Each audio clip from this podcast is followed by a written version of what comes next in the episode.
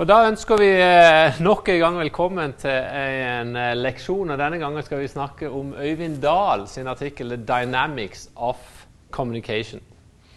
Um, Øyvind Dahl han um, har en artikkel der han også er litt interessert i Gadamer. Uh, han går ikke direkte til Gadamer sin egen tekst, men han går via Marita Svane sin doktoravhandling fra 2004 som, eh, som, fokuserer på noen litt andre aspekter ved Gadamer enn det vi har gjort ved å se på Gadamer sin tekst, ved å se på mitt kapittel, og ved å se på Roy og Starosta sine kapitler. Svane hun mener det at forståelse skapes gjennom så å si eh, tre bevegelser, da. Eller tre punkter. Det første er en tese, det andre er en antitese, noe som til slutt ender opp i en syntese. Og Vi skal se litt eh, nærmere på disse tre. Hva er tesen? Jo, tesen den tar utgangspunkt så å si når du stiller et spørsmål, så vil du nesten automatisk eh, så vil du automatisk ha noen fordommer eller noen tatt for gittheter, og i denne sammenhengen noen kulturelle preferanser som gjør at du at du stiller et spørsmål, men samtidig så har du forventninger om et type svar. Og Det har jo med Gadamer sitt fokus på hvilke fordommer vi har i møte med en ny kontekst. Så sier Marita Svane at eh, antitesen, som så å si blir det motsvaret som vi får, det blir den aktive forståelsesprosessen. Hvorfor kaller hun en antitese? Jo, fordi at da blir vi utfordra på tesen vår. Det er ikke nødvendigvis sånn at tesen vår blir motsagt, men vil, han vil på et eller annet vis åpne seg opp imot den nye kunnskapen vi får. Og dette er den fasen som aktiviseres når vi skjønner at vår forforståelse er utilstrekkelig. Og på et vis kan vi jo si at ved å stille spørsmålet, og da er vi tilbake i den dette er jo veldig den hermenautiske sirkel på et vis. sant? Vi stiller jo et spørsmål fordi at vi er interessert i å få vite noe nytt. Det vi gjør når vi beveger oss mot historien eller konteksten eller den andre personen, det er jo å innse at hm, dette kan jeg jo faktisk ikke nok om. Jeg blir jo nødt til å finne ut mer av dette eh, saksforholdet her. Og Dermed så innrømmer vi at forforståelsen vår den er utilstrekkelig. Og så søker vi kunnskap i konteksten, hos personen, i historien, så å si.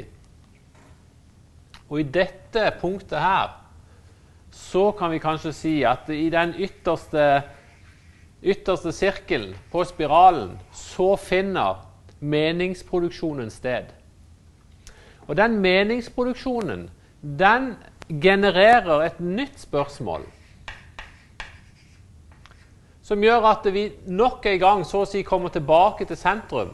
Men vi går forbi sentrum, fordi at denne gangen så har vi mer kunnskap, og så kan vi stille et spørsmål som er mer avansert, som er så å si høyere på uh, forståelsesskalaen. Og da kan vi si at uh, På et vis så kan vi kanskje si at i hver sving i den hermenøytiske sirkel eller spiralen, så liksom, så får du momentum fordi at Åhå, du skjønner noe nytt. Men allikevel så skjønner du jo fortsatt bare at det må bli en ny tese. For det du egentlig skjønner, det er jo at eh, du ikke skjønner alt. Sant? Altså, sant? Du skjønner nok en gang at min forforståelse var utilstrekkelig. Du har fått noe med aha, men det genererer jo som regel et nytt spørsmål, en ny eh, forestilling. Og Da blir så å si syntesen da, at et nytt syn på helheten etableres. Og Kanskje kan vi si at eh, syntesen på ett vis, den kommer på toppen av den hermenøytiske sirkelen. Og hvor den toppen er, det kommer jo an på hva slags ting det handler om, hvor god tid du har osv. En, en hermenøytisk spiral kan jo være kort, eller den kan være lang. Sant? Den kan gå langt ut eller være veldig smal, avhengig av hvordan du tilnærmer deg utfordringa som presenteres. Eh, Martha Svane hun eh, har et ganske sånn fenomenologisk blikk på kultur. Eh, på den måten at hun sier at eh, kultur er ikke noe som en person har. Og Da kan vi si at kultur er ikke spansk kultur eller nigeriansk kultur. Men det handler om noe som en person er. Hvordan kan vi beskrive denne kulturen, da? Eh, Martha Svane har et fokus på at kultur ikke nødvendigvis er de sosiale omgivelsene som omgir det. Og her tenker hun på en måte litt nytt, da. Men hun tenker i større grad at kultur er kroppsliggjort. Som vi sier på engelsk, at dette er embodied. At dette blir en del av det. Det blir så å si internalisert. Så kan en jo selvfølgelig diskutere den relasjonen mellom sosiale konteksten og individet. For der vil det jo alltid være en dialog. Og Grunnen til at du som individ forandrer deg, det er jo selvfølgelig at du på en eller annen måte blir påvirka av konteksten rundt deg. Men Martha Svane sier at det som er interessant for oss i interkulturell kommunikasjon, er å ikke bare stirre oss blind på den sosiale konteksten, men se hva den sosiale konteksten gjør med mennesket. Og Når vi tenker at noe blir kroppsliggjort, så tenker vi hva i all verden? Det er jo helt sånn en absurd teoretisk begrep å si at noe har blitt kroppsliggjort. Men egentlig så er det ikke det. For hvis vi tenker på sjøl at du har blitt oppdratt til noe, eller du har levd i en kontekst som har gitt deg eh, eh, visse følelser Sett nå f.eks. At, at du jobber blant, eh, blant barn som, som mindreårige asylsøkere som kommer til Norge så er det jo rett og slett sånn at du opparbeider deg jo rett og slett noen relasjoner i forhold til disse barna.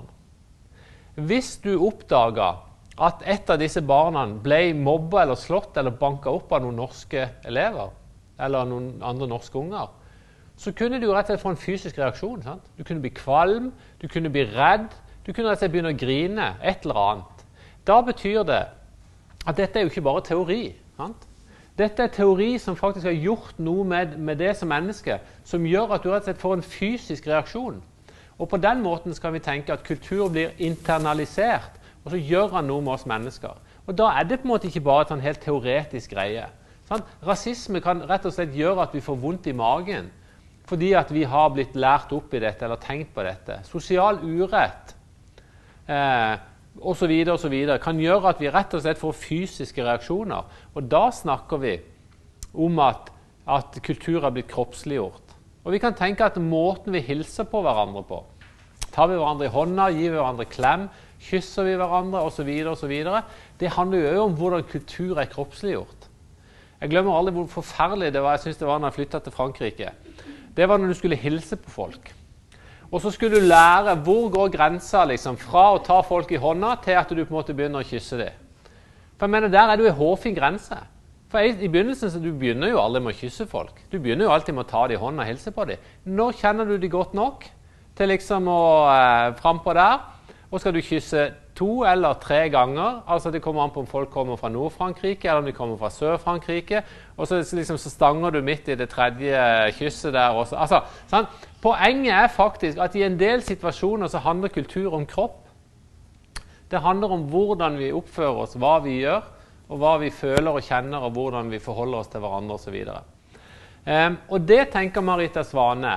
Uh, at hun tenker at med et fenomenologisk blikk på dette, så kan vi prøve å beskrive noen av de prosessene som gjør at vi som mennesker forandrer oss. Så egentlig så er det jo ikke å si at det, at det, er feil å se etter kultur i det sosiale, men hun sier det går an i en interkulturell relasjon å sette søkelyset sterkere på enkeltmennesket og se hva på en måte den kulturelle konteksten faktisk gjort med mennesket. Eh, for kulturforskjeller de handler i stor grad om i hvilken grad de oppleves forskjellige, ikke i hvilken grad de er forskjellige. sant? For en, eh, og nå er vi inne på liksom sånn del to her i kulturanalysen. For én ting er å si at mennesker fra, eh, fra Pakistan eksempel, de oppfører seg sånn og sånn når de sender barna sine i barnehagen. Det kan vi si at Hvis vi har hatt 200 barn med pakistansk opprinnelse i barnehagen, så kunne vi gjort en statistikk og så kunne vi sagt at mest sannsynlig sånn og sånn. Og så kunne vi selvfølgelig generalisert og si at pakistanske unger er sånn på det området. Men eh, eh, Svane vil på en måte under det nivået. Hun vil inn på enkeltindividet. Og så vil hun spørre spørsmålet hvor, hvor, hvor stor grad opplever de dette som en utfordring, det flerkulturelle. Og da er vi inne på et nivå der det ikke går an å si at folk fra Nigeria har det sånn. og folk fra Nord-Norge har det sånn. For da må vi inn på individnivå. Så må vi se i hvilken grad har folk virkelig blitt internalisert i det nye. Og Det er jo en enorm forskjell på f.eks. For hvordan damer fra Somalia integrerer seg i det norske systemet. Noen gjør det jo ikke i det hele tatt. De går jo ikke ut av leiligheten. De nekter ungene å sende, sende ungene på noe som helst. Mens andre eh, lærer seg norsk, blir en del osv. Spørsmålet er ikke nødvendigvis hvor lenge de har vært i Norge, eller hvor de kommer fra, men det er i hvilken grad de opplever kulturforskjellen, så å si, på kroppen. Eh, og Da sier Marita Svane at identitet det er jo ikke en struktur så å si i seg sjøl. Det er ingen sånne DNA-er som avgjør hva slags identitet du har. Men identiteten er en prosess. Identitet er en sosial konstruksjon som stadig formes. Og Det er jo derfor det er veldig interessant også å, og forske på andre generasjons innvandrere. Sant? For da ser vi det at eh, den der tanken om om du er født sånn eller om du er blitt sånn, den blir ganske spennende. Altså I hvilken grad så vil ungene da ta med seg foreldrene sin tradisjon, sin tro, sin måte å leve på? Og i hvilken grad vil de ta opp i seg den måten det norske samfunnet tilnærmer seg ting på? Det vil være forskjellig. Og hva blir Svane sin konklusjon? Hos sin konklusjon blir at identitet er alltid en prosess. Det er aldri en type A pluss B. Men det er mange relasjoner som gjør at, at identiteten vår formes. Og Det handler i stor grad om det vi snakka om i forrige time, at dette med identitet er et relasjonelt fenomen. Og i hvilken grad vi klarer å påvirke enkeltmennesker positivt. Da er vi tilbake på en måte i praksistenkninga til Aristoteles og Gadamer det handler òg om hvor mye relasjon klarer vi å skape. Hvis vi tenker at det fins noen verdier i det norske samfunnet som er positive, som vi har lyst så å si, å dele med de som kommer til oss, da tenker jeg at vi må ha en innstilling der vi ønsker faktisk å komme i dialog med mennesker og få en personlig relasjon. Ikke bare fortelle dem hvorfor det er så fantastisk å være i Norge, men de må få en opplevelse, en genuin opplevelse at dette er noe de har å noe å tjene på. Hvorfor er demokrati en god ting, f.eks.? Så videre. Øyvind Dahl han eh, snakker om gylne øyeblikk. Eh, og hva er det? Jo, han sier at gylne øyeblikk det er når du forstår at du ikke forstår. For det er da forståelsen egentlig oppstår. Sant? I det øyeblikket du skjønner at eh, du ikke skjønner, da har du så å si skapt grobunn for å tilegne deg ny kunnskap. Hvis du aldri kommer dit, så vil du liksom ikke innse det, at du mangler noe kunnskap. Det er som når jeg spør dere um, om, dere har noen fordommer i livet deres eller jobben deres, og dere bare sier 'nei, det har jeg ikke', så det er klart, da tenker jeg uh, Selvfølgelig kan det være at det er sånn, men jeg tviler veldig sterkt på det. Men det kan hende at dere kanskje ikke har tenkt så mye om tenkt dere så mye om i forhold til akkurat den måten å produsere kunnskap på. Så kan det være at dere har et annet forhold til begrepet fordommer. Sant? Vi er på veldig sånn nyansenivå nå. Hvordan, hvordan, vi tenker vi eh, det? Men i det øyeblikket du begynner å tvile så å si på deg sjøl og på din egen evne til å resonnere, det tenker jeg det er veldig positivt når det handler om det feltet vi er ute i nå. For det, det da vi kommer dit Gadamer når han sier at vi må vi må sette oss sjøl i spill, og vi må tørre å sette ting på spill. Det der, det der usikre, det å, å liksom være beredt til liksom å miste seg sjøl på den måten at du mister noe av din egen trygghet og din egen sjølsikkerhet i forhold til dette, da, det er veldig positive krefter faktisk i forståelsesløpet. Men det smerter jo litt, og da er vi inne på det at det koster litt. Og Det er litt sånn der eh, Øyvind Dahlsk at eh, når du forstår at du ikke forstår, da har du liksom spira til å, å, skjønne noe mer. Eh, og Han sier jo da at ulike meninger eller fortolkninger på samme måte som Gardermoen, de er ikke nødvendigvis negative. Fordi at de kan representere gylne øyeblikk som så å si åpner opp for ny forståelse. Og Dermed så skal vi ikke være så redd for ikke å forstå eller for å være uenige. Spørsmålet er hva gjør vi med uenigheten? Hva gjør vi med de tingene vi ikke skjønner? For hva er forståelse? Forståelse, sier Øyvind Dahl, it's like, it's like an electric spark. I got it. Plutselig så bare er det noe som skjer. Plutselig så skjønner du hva dette er for noe.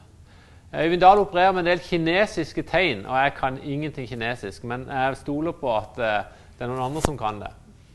Som sier det at eh, forståelse på kinesisk det er ordet dong, som er satt sammen. Og dere vet jo at kinesiske tegn er satt sammen av tegn som har betydning, ikke bare bokstaver.